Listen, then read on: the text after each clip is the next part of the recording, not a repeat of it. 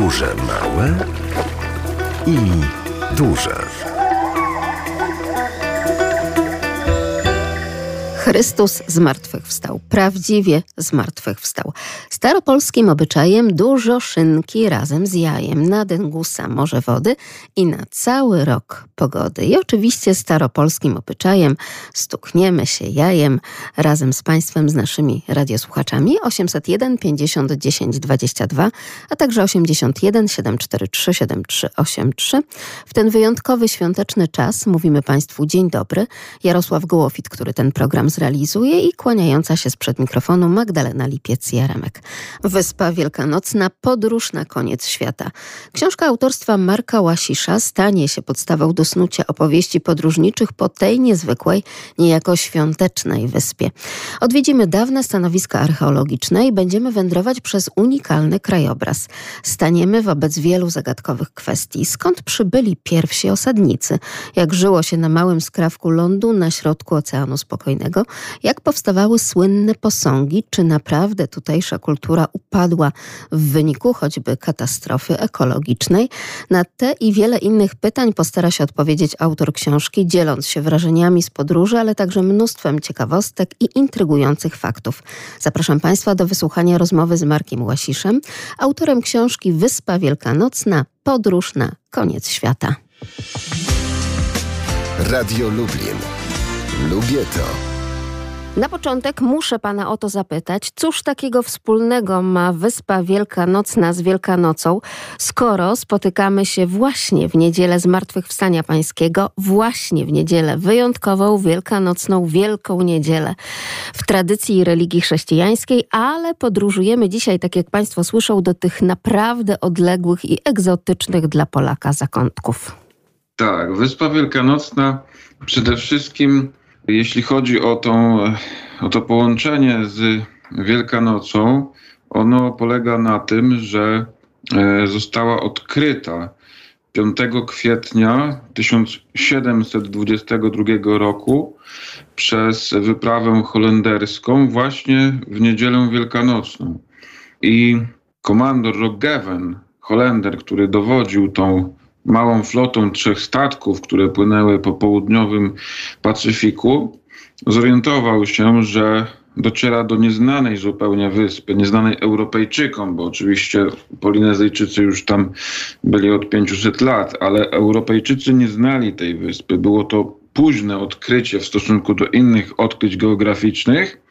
I właśnie w roku 1722, czyli dokładnie 301 lat temu, te trzy statki holenderskie płynęły po wodach południowego Pacyfiku i o piątej po południu, 5 kwietnia właśnie, w niedzielę wielkanocną, e, z jednego z tych statków dostrzeżono ląd. Ląd nieznany wtedy w Europie, Europejczykom. I komandor Roggeven, który od razu się zorientował, że jest to zupełnie nowa wyspa, nieznana, postanowił nadać jej nową nazwę i nazwał ją właśnie Wyspą Wielkanocną ze względu na odkrycie w niedzielę wielkanocną 1722 roku. A proszę w takim razie naszym radiosłuchaczom powiedzieć, w jaki sposób Pan odkrył Wyspę Wielkanocną i tak naprawdę jak zaczęła się ta Pana przygoda z tą wyspą. To jest ciekawe. Ciekawa też opowieść. Tutaj wracam do roku 2011, kiedy uczestniczyłem na wykopaliskach archeologicznych w południowym Peru, które prowadził doktor Maciej Sobczyk z Uniwersytetu Warszawskiego. I tam właśnie rozmawialiśmy o Wyspie Wielkanocnej, bo właśnie doktor Sobczyk prowadził tam swoje badania i wtedy jakby doszedłem do wniosku, że chciałbym też tam się wybrać. I od tamtej pory to pozostawało w strefie, można powiedzieć, takich marzeń, ale w roku 2019 rzeczywiście udało mi się dotrzeć na Wyspę Wielkanocną i tam jakby swoje swoje badania przeprowadzić. I też ciekawostką stało się to, że tam też spotkaliśmy się właśnie z doktorem Sobczykiem, który akurat też prowadził tam swoje badania. To było spotkanie, można powiedzieć, przypadkowe, bo nie planowaliśmy tego, ale okazało się, że znowu jesteśmy w tym samym miejscu, w takich ciekawych okolicznościach. I ja też fascynuję się jakby docieraniem ludzi do, do nowych lądów, do nieodkrytych jeszcze miejsc, kontynentów, wysp. I właśnie fascynowało mnie odkrycie wyspy przez Polinezyjczyków, ponieważ jest to jednak mały fragment ziemi na środku Oceanu Spokojnego. Wyspa Wielkanocna jest oddalona o ponad 2000 kilometrów od innej zamieszkanej wyspy, więc fascynowało mnie to, w jaki sposób została odkryta, w jaki sposób ludzie tam dotarli i no i ta fascynacja rosła, rosła aż do tej właśnie wyprawy w roku 2019, kiedy udało się zrealizować wyprawę i nawet te wspomnienia wydać w formie książkowej. Podtytuł pana książki to Podróż na koniec świata. Wyspa Wielkanocna, Podróż na koniec świata. Rzeczywiście to taki koniec świata?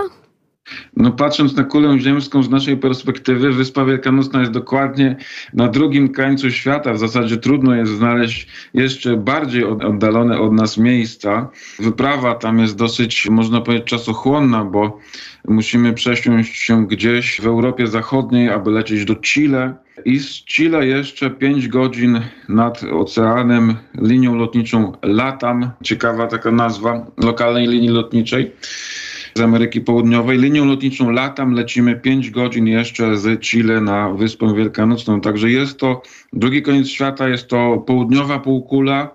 Także z naszej perspektywy rzeczywiście wyspa jest na drugim krańcu świata. Myślę, że to jest usprawiedliwione takie określenie. Podróże małe i duże. Pierwsze takie skojarzenie w naszej świadomości, jeśli chodzi o Wyspę Wielkanocną, to te słynne posągi. Jak wyglądało dotarcie państwa do tego właśnie miejsca? Jeśli chodzi właśnie o Wyspę Wielkanocną, to odnaleziono na niej dzisiaj już około tysiąca posągów Moai, które są rozrzucone w zasadzie po całej wyspie, prawda? Bo generalnie dawni Polinezyjczycy, którzy dotarli do Wyspy Wielkanocnej, starali się otoczyć ją takim pierścieniem tak zwanych platform Achu, na których ustawiano posągi Moai.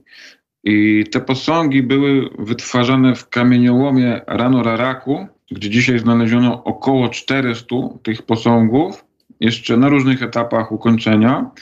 No ale te, które już ukończono i wybrano, one jakby udawały się w swoją wędrówkę na platformie Achu. Tam dotarło około 288 posągów, jak podaje Muzeo Rapanui na Wyspie Wielkanocnej. Generalnie chodziło właśnie o to, żeby ten posąg wykuć w kamieniołomie Ranuraraku i dostarczyć go na platformę Achu, która stała przy wybrzeżu, ustawić go i tam już było jego miejsce, mm, miejsce docelowe. I rzeczywiście w wielu miejscach na Wyspie Wielkanocnej spotkamy się a to właśnie z ustawionymi posągami, na platformach, a to e, z posągami, które leżą po prostu przy tak zwanych drogach Moai, przewrócone, nie dotarły na miejsce, albo też właśnie w kamieniołomie Rano Raraku, gdzie wiele z nich zostało już na zawsze na różnych etapach ukończenia, nieukończenia. W zasadzie te w Rano Raraku, one wszystkie są nieukończone, ponieważ jest taki szczegół, one nie mają wykutych oczodołów. I to oznacza, że nie są ukończone, gdyż nie można było zainstalować specjalnych oczu z koralu i obsydianu. Te oczy były instalowane dopiero jak posąg dotarł na platformę Achu. A dlaczego właśnie te oczy z takich materiałów? Czemu to miało służyć? Właśnie oczy w posągach Moai to jest kolejna niesamowita sprawa, bo przypuszcza się, że te oczy instalowano po pierwsze już jak posąg był ustawiony na platformie, czyli w miejscu docelowym przy wybrzeżu na platformie Achu. Natomiast druga sprawa jest taka, że część badaczy przypuszcza, że te oczy instalowano jedynie podczas ceremonii, czyli posąg już był ustawiony, i podczas ceremonii zbierała się lokalna społeczność, prawda, osadników i jakby posąg był, był włączany, jakby uruchamiany właśnie prawdopodobnie przez ustawienie tych oczu właśnie w oczodołach. I wtedy ten duch przodka, którego symbolizował posąg, jakby przybywał do tego posągu, prawda? I jakby był, był włączany posąg przez instalację tych oczu z, z białego koralu i z obsydianu, czyli źrenica właśnie była z obsydianu, czasami źrenica czy tęczówka były wykonywane z obsydianu, czyli z czarnej skały wulkanicznej albo z z czerwonej skorii, to też skała wulkaniczna, to właśnie źrenica albo tęczówka z tych ciemniejszych materiałów, białko z białego koralu. Te oczy były instalowane właśnie w posągach podczas odprawianych tam rytuałów. Dlatego właśnie posąg, który, tylko posąg, który miał oczodoły, był posągiem skończonym, był posągiem kompletnym. Wróćmy jeszcze do tego pierścienia posągów ustawianego tak jak pan zaznaczył, na całej wyspie. Z takiego antropologicznego punktu widzenia, czemu to wszystko miało służyć? Czy to na przykład miał być, nie wiem, jakiś mur obronny swoisty, ochrona, czy symbol właśnie miejsca, czy zaznaczenie terytorium? Po co? Dlaczego? Z tego, co obecnie wiemy, co obecnie zrekonstruowano, to posągi na Wyspie Wielkanocnej przedstawiały przodków. Nie były to bóstwa, nie były to bóstwa, tylko byli to, można powiedzieć, ubóstwieni przodkowie. Ludzie, którzy już odeszli, ale zasłużyli się na tyle w lokalnej społeczności, że ich, po ich śmierci ich wizerunki były ustawiane właśnie na platformach Achu. I tutaj prawdopodobnie ich funkcją była jakby ochrona, czy też opieka nad tą społecznością, która pozostała po ich śmierci na wyspie. Wierzono, że posągi dysponują mocą, tak zwaną mocą mana, i te posągi, czy też ci przodkowie, po prostu mieli opiekować się swoimi potomkami, ale też chodziło o to, że oni nie odchodzili, prawda? Oni po śmierci byli oddawani w tym kamieniu, ustawiani na tych platformach i stawali się częścią lokalnego krajobrazu, prawda? Czyli ten ubóstwiony przodek, ta ważna postać jakby nie odchodziła, ale na zawsze pozostawała i na pewno dawało to poczucie bezpieczeństwa temu ludowi, który mieszkał na małej wyspie na środku oceanu.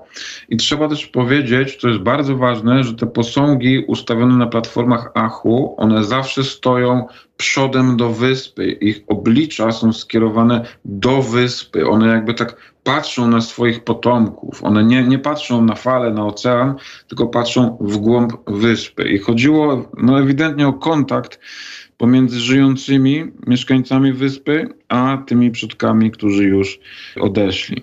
Czyli tyłem tak naprawdę do wody, a tak. przodem twarzą do wnętrza wyspy niejako, do jej serca. Tak.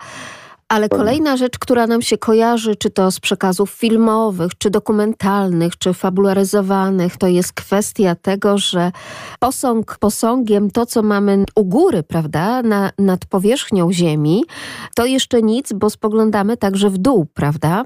Tak, właśnie tutaj jeszcze jest ta kwestia różnicy pomiędzy posągami, które zostały w kamieniołomie Ranoreraku, a posągami, które ustawiono na platformach Achu, czyli w miejscu docelowym.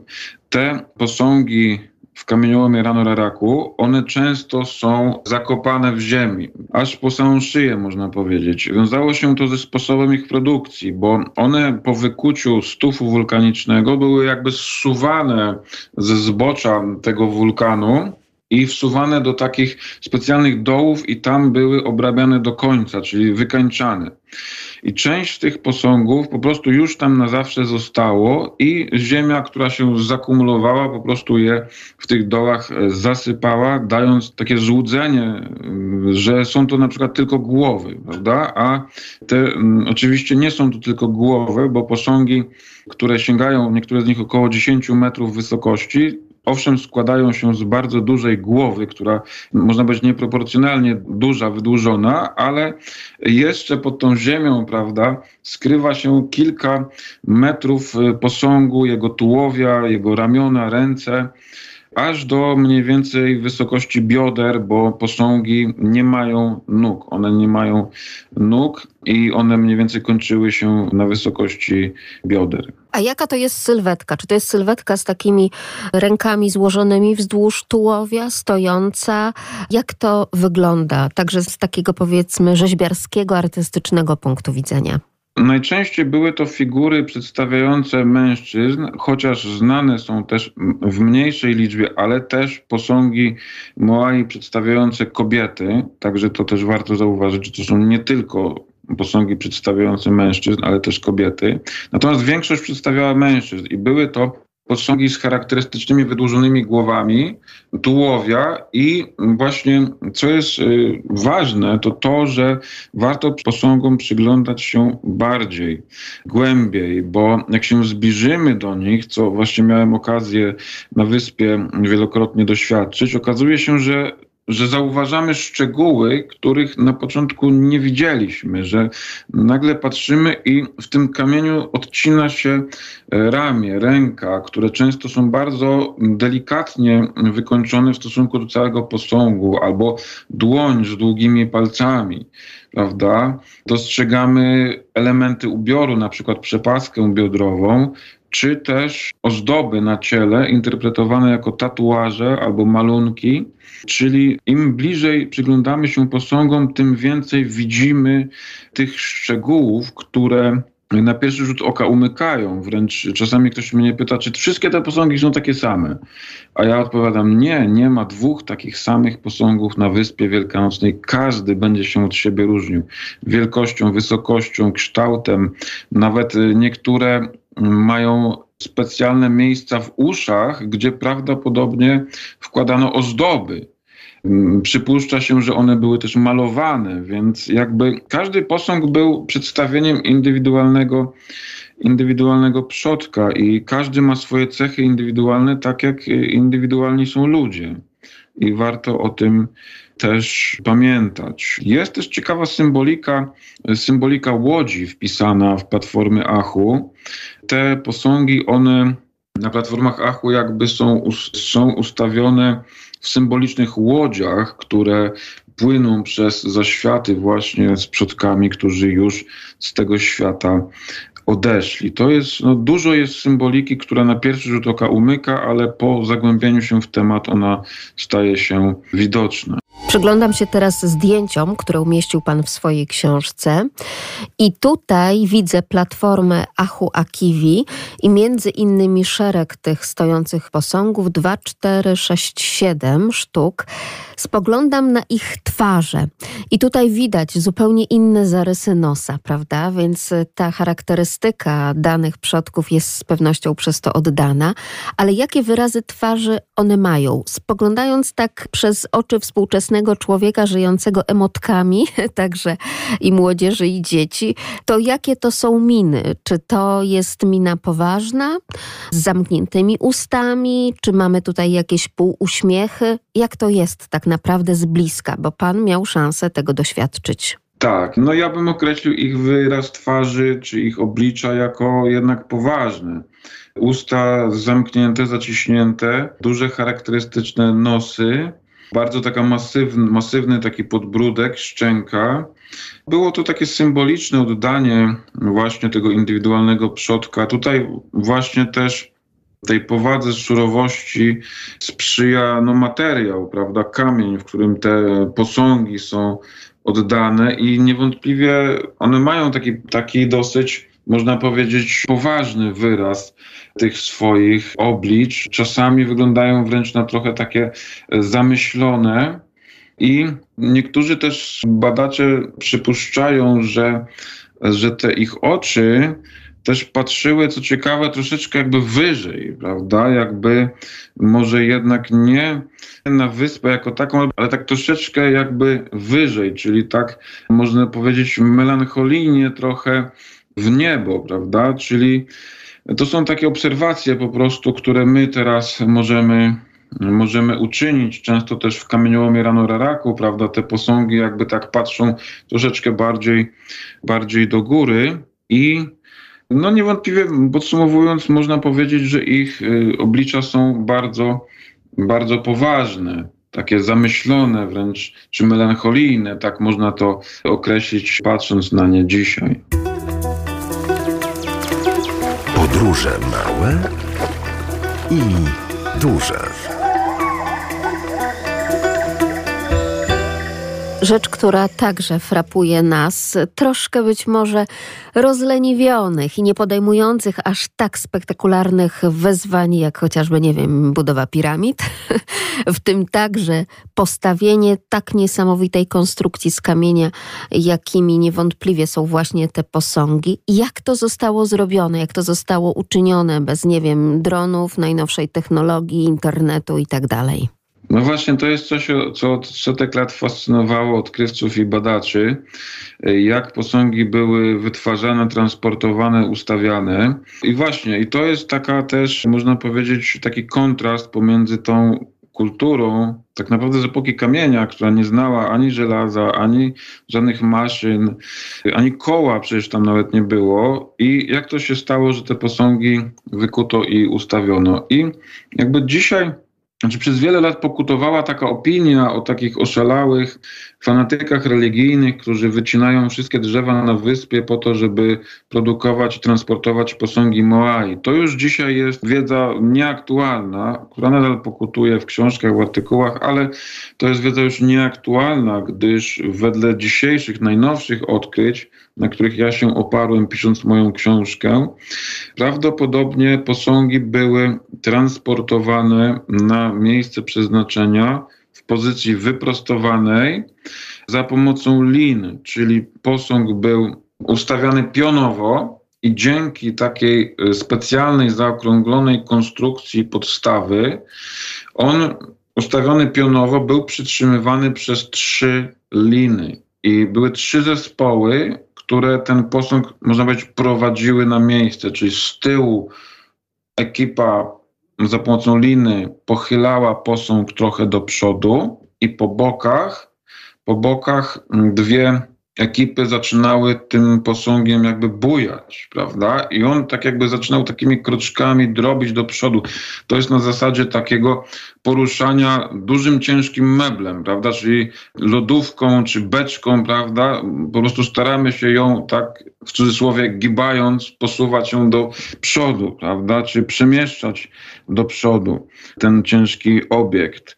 I Prawdopodobnie to było właśnie mm, robione w ten sposób, że za pomocą lin, za pomocą systemu lin, posągi w formie wyprostowanej były prowadzone do celu. Nie było to, nie było używane do tego celu drewno, przynajmniej nie w takich ilościach, czy też które mogłyby przyczynić się do całkowitego odlesienia Wyspy Wielkanocnej, tak jak to często było rekonstruowane jeszcze jakiś czas temu. No, z mojej perspektywy, z moich przeprowadzonych badań wynika raczej, że mieszkańcy Wyspy Wielkanocnej byli genialnymi twórcami, którzy wytworzyli niezwykłą kulturę, a nie, nie jakimiś fanatykami, którzy zniszczyli wyspę po to, żeby produkować posągi. I co jest ważne też do podkreślenia, to to, że walki czy też niepokoje na wyspie najprawdopodobniej zaczęły się już po odkryciu Wyspy Wielkanocnej przez Białego Człowieka w wyniku przyniesionych chorób, w wyniku wybuchających epidemii, które dziesiątkowały tą ludność, doprowadzając do kryzysu tej tej właśnie unikalnej kultury, ale stało się to już po odkryciu wyspy przez Europejczyków, a nie przed jej odkryciem. Spoglądam na zdjęcie Moai Kokona Heroa, posąg z wizerunkiem europejskiego statku. To znaczy, tak, tutaj na klatce piersiowej widzimy wyrzeźbione zarysy tegoż europejskiego statku rzeczywiście są i maszty, wszystko tak jak trzeba, czy więcej jest takich również płaskorzeźb już na samych posągach? No ja przypominam sobie tylko tą właśnie płaskorzeźbę, ale ta płaskorzeźba jest też, można być ekstremalnie istotna, ponieważ widzimy na Wedle dzisiejszych badań ten posąg został świeżo wykuty w kamieniołomie Ranoraraku i po jego wytworzeniu naniesiono na niego, lokalny mieszkaniec naniósł na niego ten wizerunek europejskiego statku. Dla nas jest to niemalże dokumentacja fotograficzna, prawda? Tak, dokładnie tak. Dokładnie tak, bo, bo to jest ta sama zasada, prawda, że ten człowiek chciał uwiecznić coś, coś niezwykłego, prawda? Przybywają jakieś istoty z innego świata i tak jak my robimy zdjęcie, no to ten człowiek poszedł i wyrzeźbił tą płaskorzeźbę na posągu Moai.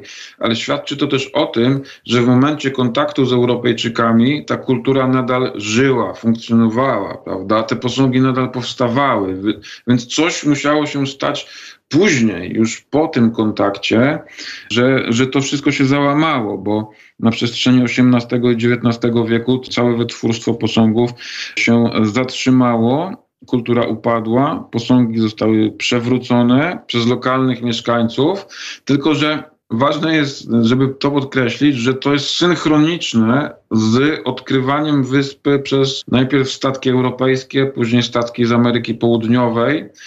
Jakby kolejne statki przywożą kolejne epidemie, choroby, ludność zostaje zdziesiątkowana, przybywają łowcy niewolników z Ameryki Południowej, porywają mieszkańców, większość z nich umiera. To doprowadza do kryzysu na wyspie, ale dzieje się to właśnie już to jest zupełnie, można powiedzieć, nowe, nowe postrzeganie Wyspy Wielkanocnej. Ten kryzys dzieje się po odkryciu wyspy przez resztę świata, a nie przed jej odkryciem. Prawda? Prawdopodobnie pierwsi Europejczycy, właśnie Roggeven w roku 1722 docierają do wyspy, która funkcjonuje idealnie, mimo ciężkich warunków życia tak naprawdę. Ta kultura nadal się rozwija, ale w momencie tego kontaktu i w wyniku następnych odwiedzin ta kultura niestety zaczyna się no, degenerować tak naprawdę i upada.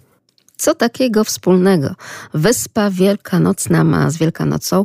Między innymi dzisiaj próbuje odpowiedzieć na to pytanie autor książki o Wyspie Wielkanocnej Marek Łasisz. A dziś jesteśmy na najbardziej wielkanocnej wyspie świata. I w tej godzinie radiowej podróży zajrzymy m.in. na plażę Anakena, wejdziemy do wnętrza wulkanu i zdobędziemy najwyższy szczyt Wyspy Wielkanocnej. Zajdziemy także do jaskiń stworzonych przez lawę, odwiedzimy również współczesne miasteczko Hangaroa i spotkamy jego mieszkańców na te wspólne nasze radiowe podróże, małe i duże, wraz z Markiem Łasiszem, czyli autorem książki Wyspa Wielkanocna podróż na koniec świata, zapraszamy Państwa. Podróże małe i duże.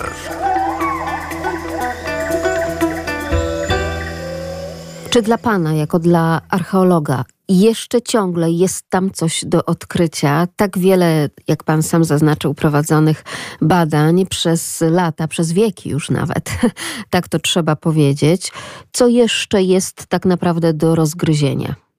Wyspa Wielkanocna już odkryła przed nami wiele swoich tajemnic, natomiast nie przestaje nas też zadziwiać i pojawiają się coraz to nowe odkrycia. Na przykład kilka miesięcy temu, nie pamiętam dokładnie, ale czy kilka miesięcy temu, czy miesiąc temu, e, ale pojawiła się właśnie taka informacja, że znaleziono kolejny posąg Moai, który ukrywał się właśnie wewnątrz krateru Ranuraraku, tam pod poziomem wody, ale poziom wody się zmniejszył i ten posąg po prostu został odkryty. Czyli mimo, mimo tych 300 lat od odkrycia Wyspy Wielkanocnej nadal pojawiają się zupełnie nowe odkrycia, o których wcześniej nie było wiadomo. I też warto powiedzieć o jaskiniach.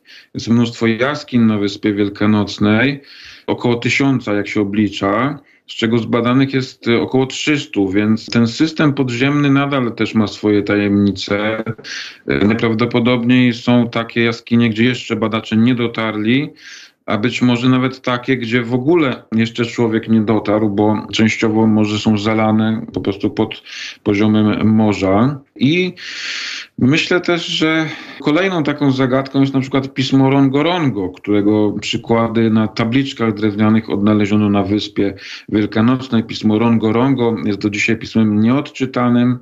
Też jest to zagadnienie takie, można powiedzieć, kontrowersyjne, bo do końca nie wiadomo, badacze się spierają, czy, czy to pismo powstało przed y, kontaktem z białym człowiekiem, czy po kontakcie z białym człowiekiem jako imitacja właśnie pisma, pisma Europejczyków, prawda? Więc to też jest sprawa kontrowersyjna, niewyjaśniona. To pismo jest nieodczytane. Więc y, no, badania trwają, badania trwają i jeszcze myślę, że wyspa będzie nas zaskakiwać nowymi odkryciami mimo wszystko. Temu pismu bliżej, tak w naszym wyobrażeniu, żeby wytłumaczyć także nam, jako laikom, do hieroglifów egipskich, czy może bardziej, nie wiem, już do naszego właśnie pisma, do naszych liter? Arabskich? No to raczej, raczej bliżej im właśnie do hieroglifów egipskich niż właśnie do naszego współczesnego pisma, natomiast składa się z różnych znaków, które mogą określać e, właśnie różne obiekty z tamtego właśnie świata, które otaczały jego twórców. Natomiast tak jak powiedziałem wcześniej, jest to pismo jeszcze nie odczytane, chociaż badania trwają, więc może też usłyszymy za jakiś czas o jakimś może przełomie, jeśli chodzi o badania właśnie pisma Rongorongo. Ale jeśli, mm, jeśli okazałoby się rzeczywiście, że było to pismo, które powstało przed kontaktem z Europejczykami, oznaczałoby to, że na Wyspie Wielkanocnej powstała no, niezwykła cywilizacja, ponieważ pismo niezależnie od siebie powstało tylko w kilku miejscach na kuli ziemskiej i byłby to niezwykły przykład, kolejny dowód na geniusz tych lokalnych mieszkańców, którzy tę wyspę zamieszkiwali. To w takim razie skupmy się teraz na tych, którzy obecnie tę wyspę zamieszkują. Jacy są mieszkańcy Wyspy Wielkanocnej? Skąd oni są? Czy tutaj możemy mówić o kontynuacji chociaż minimalnej tamtejszej cywilizacji, czy zupełnie nie? Właśnie szczęśliwie mm, jest tak, że około połowa populacji wyspy obecnej, która wynosi około w przybliżeniu 8 tysięcy mieszkańców, to około połowa to są potomkowie właśnie rdzennych mieszkańców wyspy. I to właśnie można powiedzieć wcale nie jest takie oczywiste, bo w wyniku tego kryzysu w XIX wieku populacja spadła do 110 osób, do 110 osób jedynie, czyli byli na krawędzi całkowitej zagłady, całkowitej zagłady, ale ta cywilizacja, czy ta e, kultura, ta populacja stopniowo się odradzała i dzisiaj e, właśnie około połowę mieszkańców Wyspy Wielkanocnej, czyli kilka tysięcy osób, stanowią właśnie potomkowie tych rdzennych mieszkańców, czyli Polinezyjczyków, którzy osiedlili się na Wyspie Wielkanocnej około, jak dzisiaj rekonstruujemy, około roku 1200, tworząc tą kulturę, którą nazywamy rapanujską od nazwy lokalnej Rapanui. I do dzisiaj ci ludzie, ta ciągłość jakby przetrwała. Dzisiaj, tak jak właśnie wspominam, około połowa tej ludności wyspy jest pochodzenia właśnie tego rdzennego. I rzeczywiście te tradycje czasami są widoczne, przetrwanie tradycji jest widoczne w takich, można powiedzieć, zaskakujących miejscach. Pamiętam, jak właśnie wędrując po wyspie z żoną, trafiliśmy w pewnym momencie na lokalny cmentarz, gdzie na jednym z pomników stał współczesny posąg Moai. I to było na pierwszy rzut oka takie zaskakujące, wręcz kojarzyło się może z taką może sztuką nowoczesną, ale po jakimś czasie uświadomiłem sobie, że ten posąg Moai stojący na pomniku zmarłego stanowi niezwykłą jakby kontynuację tej tradycji, kiedy właśnie te posągi były przecież związane z przodkami, którzy już odeszli. Dodatkowo ten posąg na pomniku, na cmentarzu był skierowany obliczem w głąb lądu, i tyłem do fal oceanu, czyli jakby nawet jego ustawienie nie było przypadkowe, prawda, było świadome. I, I ta kontynuacja tej tradycji właśnie jest taka no, zaskakująca, w takich czasami nieoczywistych miejscach się to pojawia. No i do dzisiaj na wyspie żywy jest język e, rapanujski, którym posługują się właśnie rdzenni mieszkańcy. Są też grupy grupy tancerzy, grupy rzemieślników, grupy ludzi, którzy kultywują tą tradycję, prawda, którzy uczą dzieci języka rapanujskiego, którzy śpiewają pieśni w języku rapanujskim, uczą się rzemiosła artystycznego, mm, starają się odtwarzać stroje, tańce, właśnie muzykę, śpiewy. Można uczestniczyć w takim e, właśnie pokazie tego tańca, gdzie właśnie wytatuowani mężczyźni, piękne, nieubrane kobiety właśnie odtwarzają te dawne, dawne tańce, czy starają się jakby nawiązać, można powiedzieć, taki kontakt z, tym, z tą dawną kulturą. Bardzo znamienne jest to, że robią to nie tylko komercyjnie pod turystę, prawda? Tak jak to w wielu miejscach na świecie ma miejsce. Tylko tak jak pan tutaj zaznacza, rzeczywiście mamy tutaj również ten ciąg edukacyjny. Udało się panu zrealizować naprawdę bardzo ekspresyjne zdjęcia i owego wodza podczas takiego spektaklu i ten żywiołowy taniec plus niesamowite stroje. Zwracają uwagę pióropusze. Te pióropusze zwróciły państwa uwagę także podczas mszy świętej, podczas chrztu świętego. To główny tego chrztu właśnie taki niesamowity pióropusz z białych piór miał na głowie. Tak, to jest właśnie było Właśnie uczestnictwo w mszy świętej w kościele pod wezwaniem Świętego Krzyża na Wyspie Wielkanocnej katolickim było równie wielkim doświadczeniem, ciekawym i poruszającym jak wizyta na tych dawnych stanowiskach, bo mieliśmy okazję właśnie zagłębić się w tej lokalnej społeczności, uczestniczyć z nimi w tym właśnie ważnym sakramencie. Właśnie dziewczynka tam przyjmowała sakrament chrztu, towarzyszyli jej rodzice i ciekawostką było to, że ksiądz występował w wielkim białym pióropuszu i to było wręcz uderzające, bo jak weszliśmy do kościoła, ja pomyślałem, czy na pewno weszliśmy do kościoła katolickiego. Nigdy nie widziałem księdza w pióropuszu. Dodatkowo śpiewano w języku rapanujskim, grała orkiestra. Także było to no, niesamowite, silne doświadczenie i właśnie ten pióropusz jest niezwykle ważny, bo to jest też kolejny przykład kontynuacji tradycji, bo przypuszcza się, że te takie nakrycia głowy posągów Moai były właśnie oddanym w kamieniu pióropuszem, że to, co nakładano im na głowy, te takie cylindry, były to właśnie takie symboliczne pióropusze.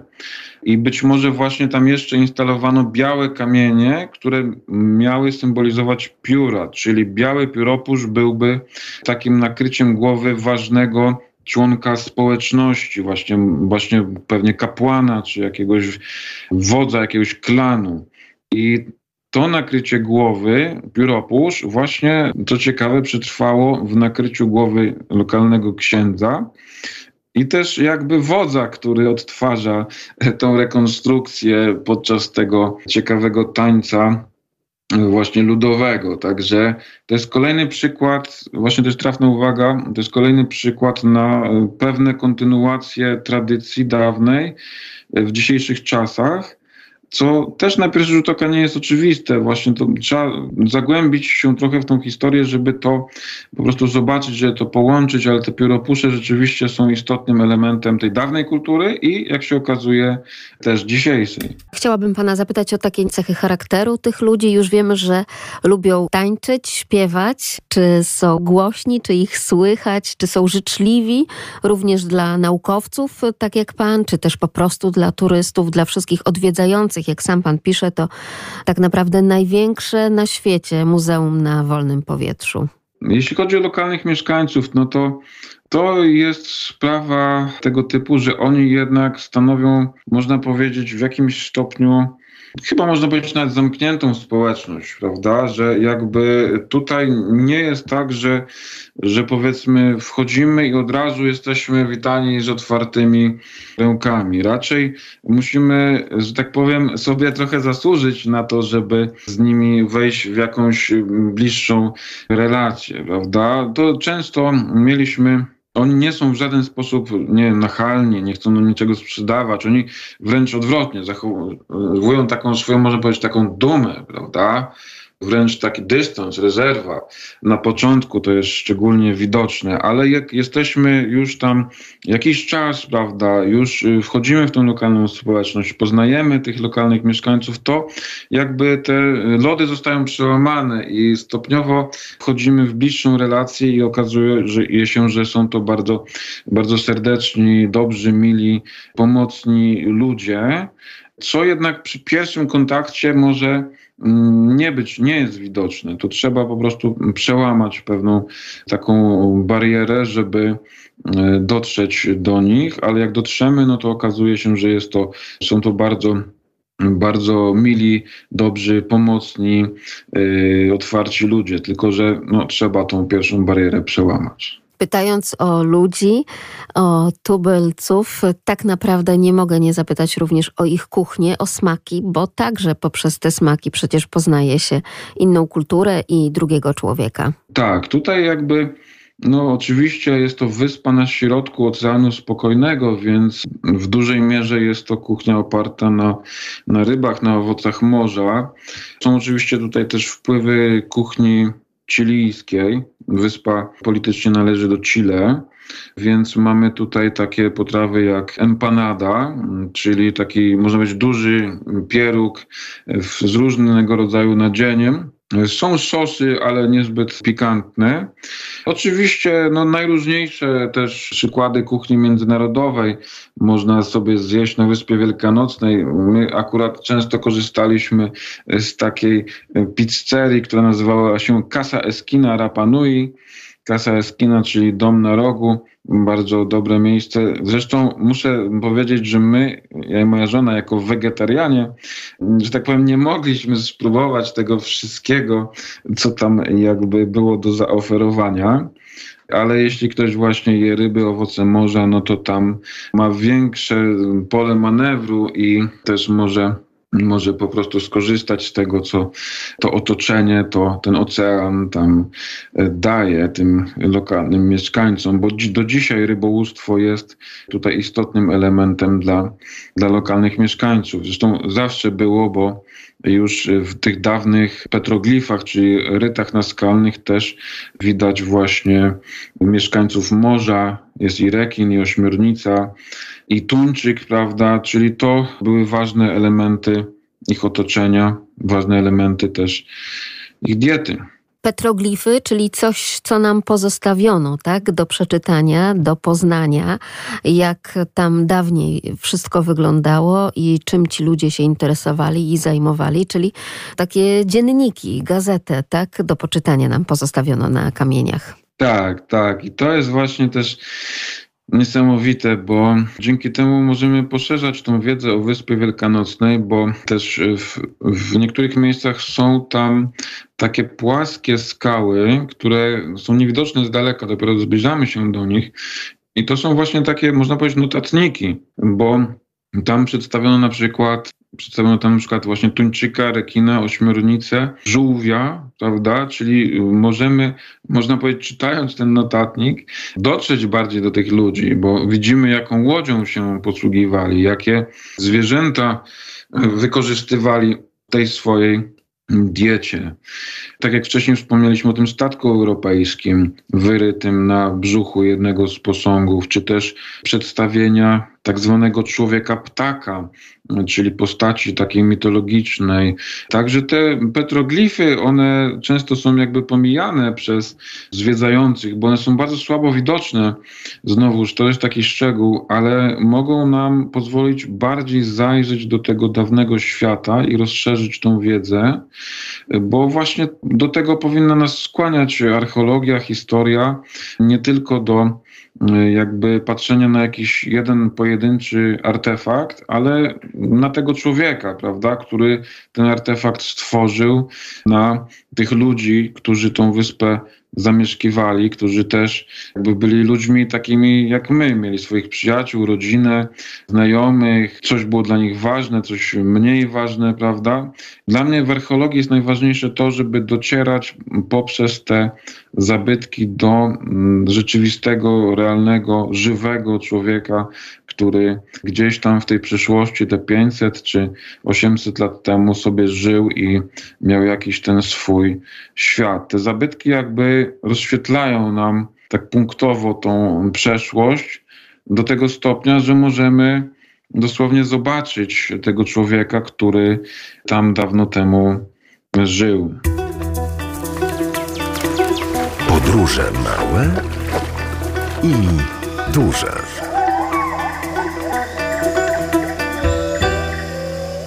Proszę powiedzieć, jaka jest przyroda Wyspy Wielkanocnej? No właśnie, to jest kolejna, można powiedzieć, kontrowersyjna sprawa, jeśli chodzi o Wyspę Wielkanocną, bo prawdopodobnie jak pierwsi osadnicy polinezyjscy około roku 1200 dotarli do Wyspy Wielkanocnej, no wtedy jeszcze tak y, oczywiście nie zwanej w ten sposób, to dzisiejsi badacze rekonstruują, że oni docierają, te katamarany polinezyjskie z osadnikami, najpierw z odkrywcami, później z osadnikami, docierają do wyspy kompletnie zalesionej, kompletnie zalesionej przez, przez wiele gatunków drzew, przez olbrzymie palmy. I no, niektórzy rekonstruują, że to były setki tysięcy drzew porastających wyspę i jednak coś się z tymi drzewami stało, prawda? Bo dzisiaj wyspa jest raczej wyspą taką, kojarzy się z takimi trochę połoninami bieszczadzkimi, że jakby są to takie rozległe łąki, rozległe łąki pokryte trawą i w zasadzie głównie tyle, chociaż jest trochę drzew dzisiaj na Wyspie Wielkanocnej, ale warto też zauważyć, że w pewnym momencie tych drzew nie było. Drzewa, palmy zostały całkowicie wyniszczone. No i oczywiście jakby, no niestety stało się to w wyniku dotarcia człowieka do Wyspy Wielkanocnej, czyli Polinezyjczyków, którzy przez te 500 lat tego zamieszkiwania, niestety w czasie ich rozwoju ich kultury ten drzewostan został wyniszczony. I dlaczego tak się stało? Otóż przez wiele lat jakby najprostszym wyjaśnieniem, takim oczywistym niby, było to, że wycięli drzewa, żeby transportować posągi Moai. No dzisiaj już tak się nie uważa i wedle najnowszych badań do tej destrukcji tego lasu przyczynił się w dużej mierze szczur polinezyjski, który przybył na wyspę wraz z tymi osadnikami. Jaki to był proces? Otóż wiadomo, że człowiek potrzebuje drewna, tak kiedyś, jak i dzisiaj, prawda? Kiedyś oczywiście może nie na książki czy papier, no ale trzeba było, trzeba było ogrzać, ogrzać się, czyli ogniska, prawda? Ugotować jedzenie, trzeba było zbudować dom czy szałas, trzeba było zbudować łódź. I te drzewa były stopniowo przez osadników wycinane. Natomiast to nie było na tyle problemem, żeby las się nie odrodził. Las się nie odrodził dlatego, że Polinezyjczycy wprowadzili do tego środowiska inwazyjny gatunek szczura. A na tej wyspie nie było przez te setki tysięcy lat wyspa była pozbawiona w ogóle ssaków. I te drzewa, te palmy, te rośliny jakby nie były w żadnym wypadku gotowe na taką inwazję. I szczur wprowadzony do tego środowiska wyjadał, wyjadał nasiona, niszczył orzechy, zjadał pędy roślin, co doprowadziło do tego, że las po prostu nie mógł się odrodzić. I w momencie, jak człowiek wycinał drzewo, następne już nie odrastało, bo szczury po prostu niszczyły, tak jak powiedziałem wcześniej, czy to nasiona, czy to orzechy, czy to pędy. I dzisiaj jest koncepcja taka, że Właśnie to ten szczur, niestety, ale w dużej mierze przyczynił się do destrukcji tego środowiska naturalnego. I ta destrukcja niewątpliwie nastąpiła, tylko że nie stało się to w wyniku produkcji Moai, ale niestety w wyniku wprowadzenia tego inwazyjnego gatunku szczura do tego środowiska, które takiego gryzonia po prostu nie znało. I w pewnym momencie ta populacja szczurów mogła osiągnąć kilka milionów, co doprowadziło do, do zniszczenia tego środowiska lokalnego, niestety. Niesamowita tutaj zależność przyrodnicza i ta reakcja przyrodniczo-łańcuchowa zachodzi rzeczywiście. Tak, tak. W takim razie, jakie zwierzęta teraz są na wyspie? No właśnie, Wyspa Wielkanocna to też jest taki fenomen, jeśli chodzi o zwierzęta, bo znaczy, jeśli chodzi o dawne czasy, prawda? Bo ona była tak daleko położona od wszystkiego, że jedynymi zwierzętami, jakie dotarły naturalnie na Wyspę Wielkanocną, były ptaki. Były ptaki, które tam albo migrowały, co jakiś czas, albo osiedliły się i już tam z czasem zostały, ewoluując nawet w lokalne gatunki, które tam się rozwijały, które latały przez ten las, prawda, który niestety został zniszczony, a później same te ptaki niestety wyginęły. Tylko ptaki, nie było tam żadnych jadowitych stworzeń, węży, nie było tam żab, powiedzmy, nie było tam żadnych drapieżników, czyli jakby ludzie, którzy tam dotarli w tym momencie w roku 1200 Polinezjczycy dotarli do takiego jakby raju na ziemi, prawda? Jest las, są, są te ptaki, w kraterach wulkanicznych gromadzi się woda słodka z opadów, prawda? Czyli to był taki raj na ziemi, no ten raj niestety został, został zniszczony. Oczywiście no, później przybysze europejscy, czy też z Ameryki Południowej, z czasem, można powiedzieć, przywieźli wszystkie możliwe e, zwierzęta. No, oczywiście konie, których dzisiaj jest kilka tysięcy na Wyspie Wielkanocnej. Konie sobie tam wędrują zupełnie wolne, w takich stadach, pojedynczo. W pewnym momencie cała wyspa to też taka tragedia. Cała wyspa zamieniła się w hodowlę owiec, w hodowlę owiec, bo było tam takie przedsiębiorstwo, które jakby mieszkańców zamknęło w Hangaroa, w miejscowości, a po całej wyspie chodziły owce. Była to hodowla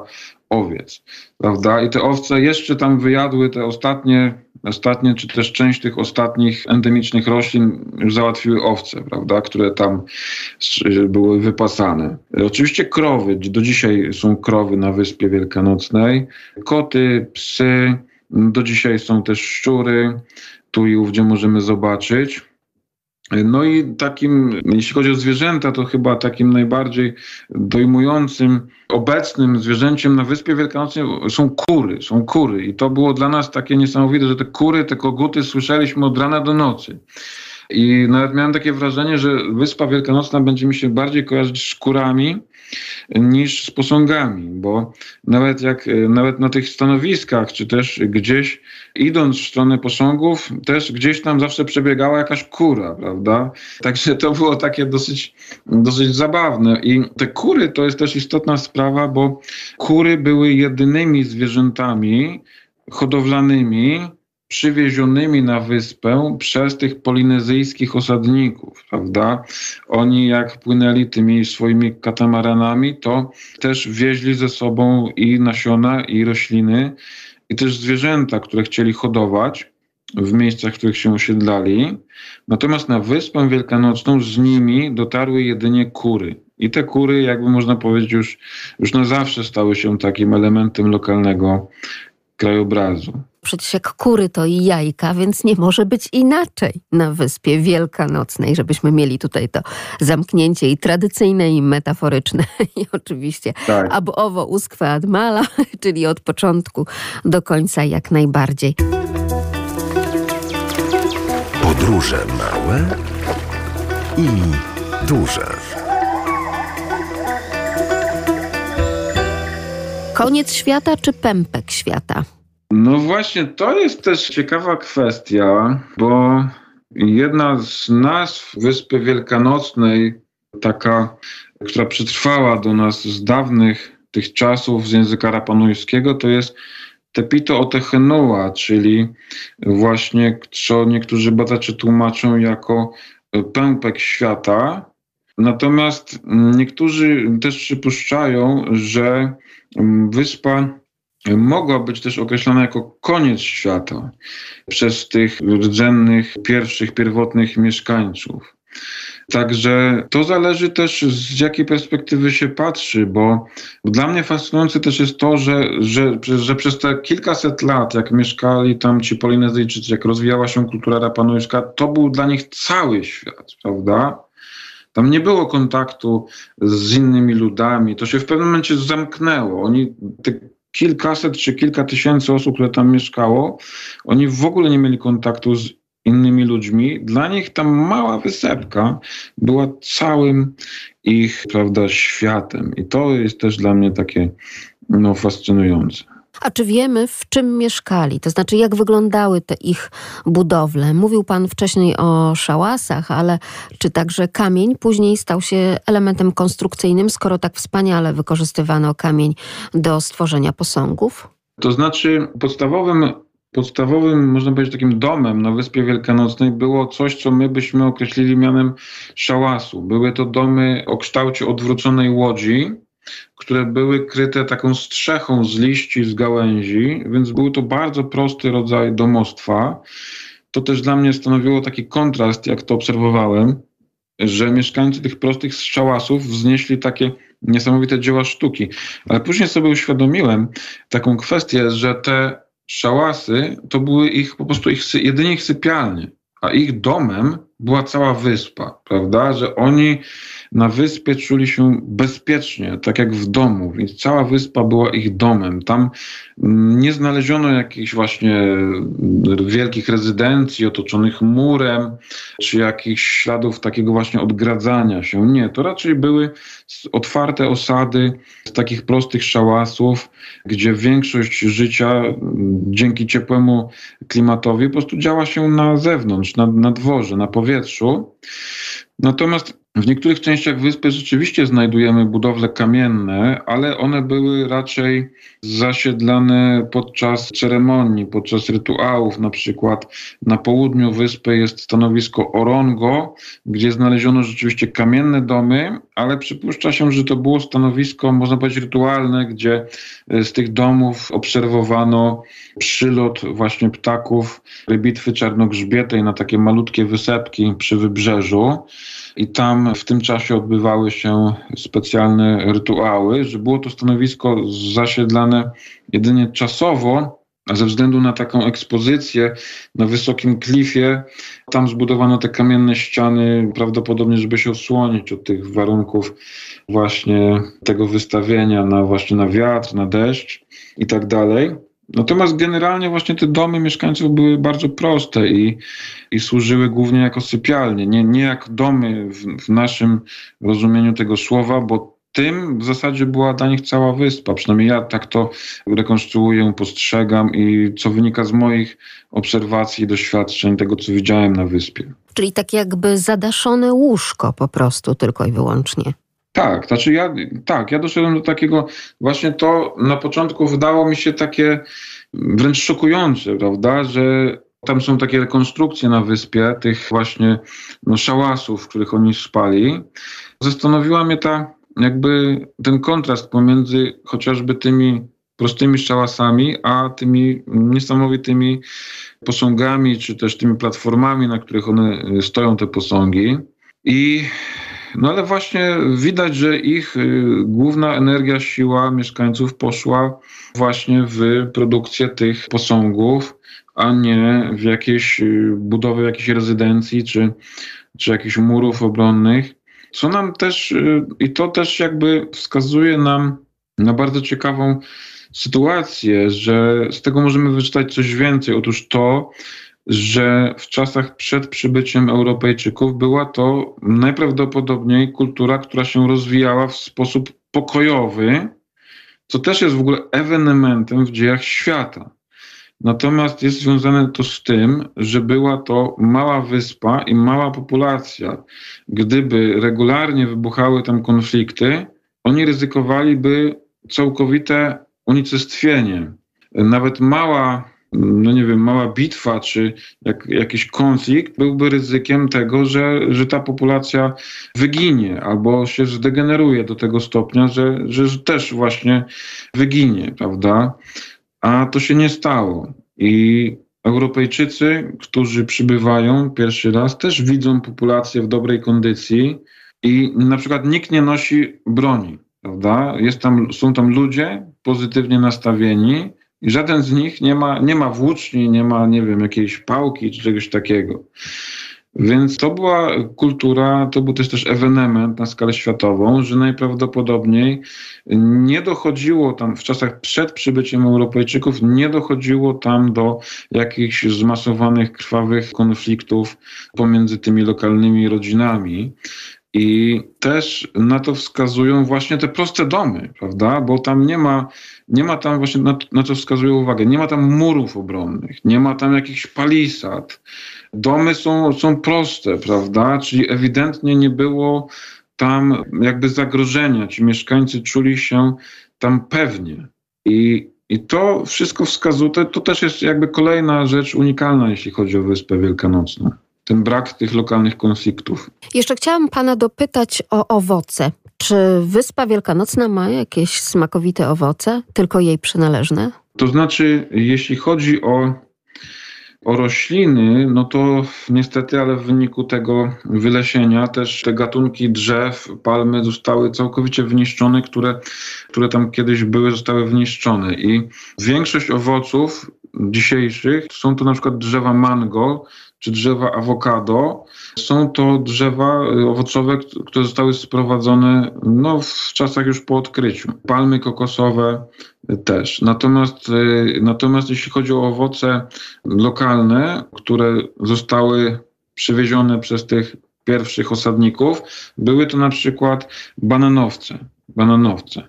Bananowce były tam obecne od początku tego osadnictwa i do dzisiaj jakby te palmy bananowe na wyspie też, też właśnie są uprawiane. Dodatkowo ci dawni mieszkańcy także uprawiali bataty, czyli słodkie ziemniaki, jam, trzcinę cukrową, prawdopodobnie tykwę. Także nie było to bardzo dużo różnych roślin, ale rośliny, które pozwalały im na przetrwanie.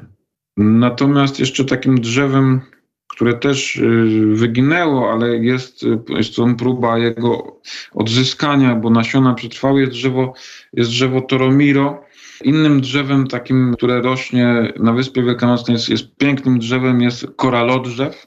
Na przykład w kraterze wulkanu Ranoreraku jest taki gaj koralodrzewu, gdzie właśnie akurat byliśmy w momencie, jak nie było na tych drzewach ani liści, ani owoców, tylko piękne takie czerwone kwiaty. Także ta miejscowa flora na pierwszy rzut oka może niezbyt jakaś bujna czy liczna, też ma w sobie takie rzeczy, które trzeba troszeczkę się zagłębić, żeby je właśnie zobaczyć.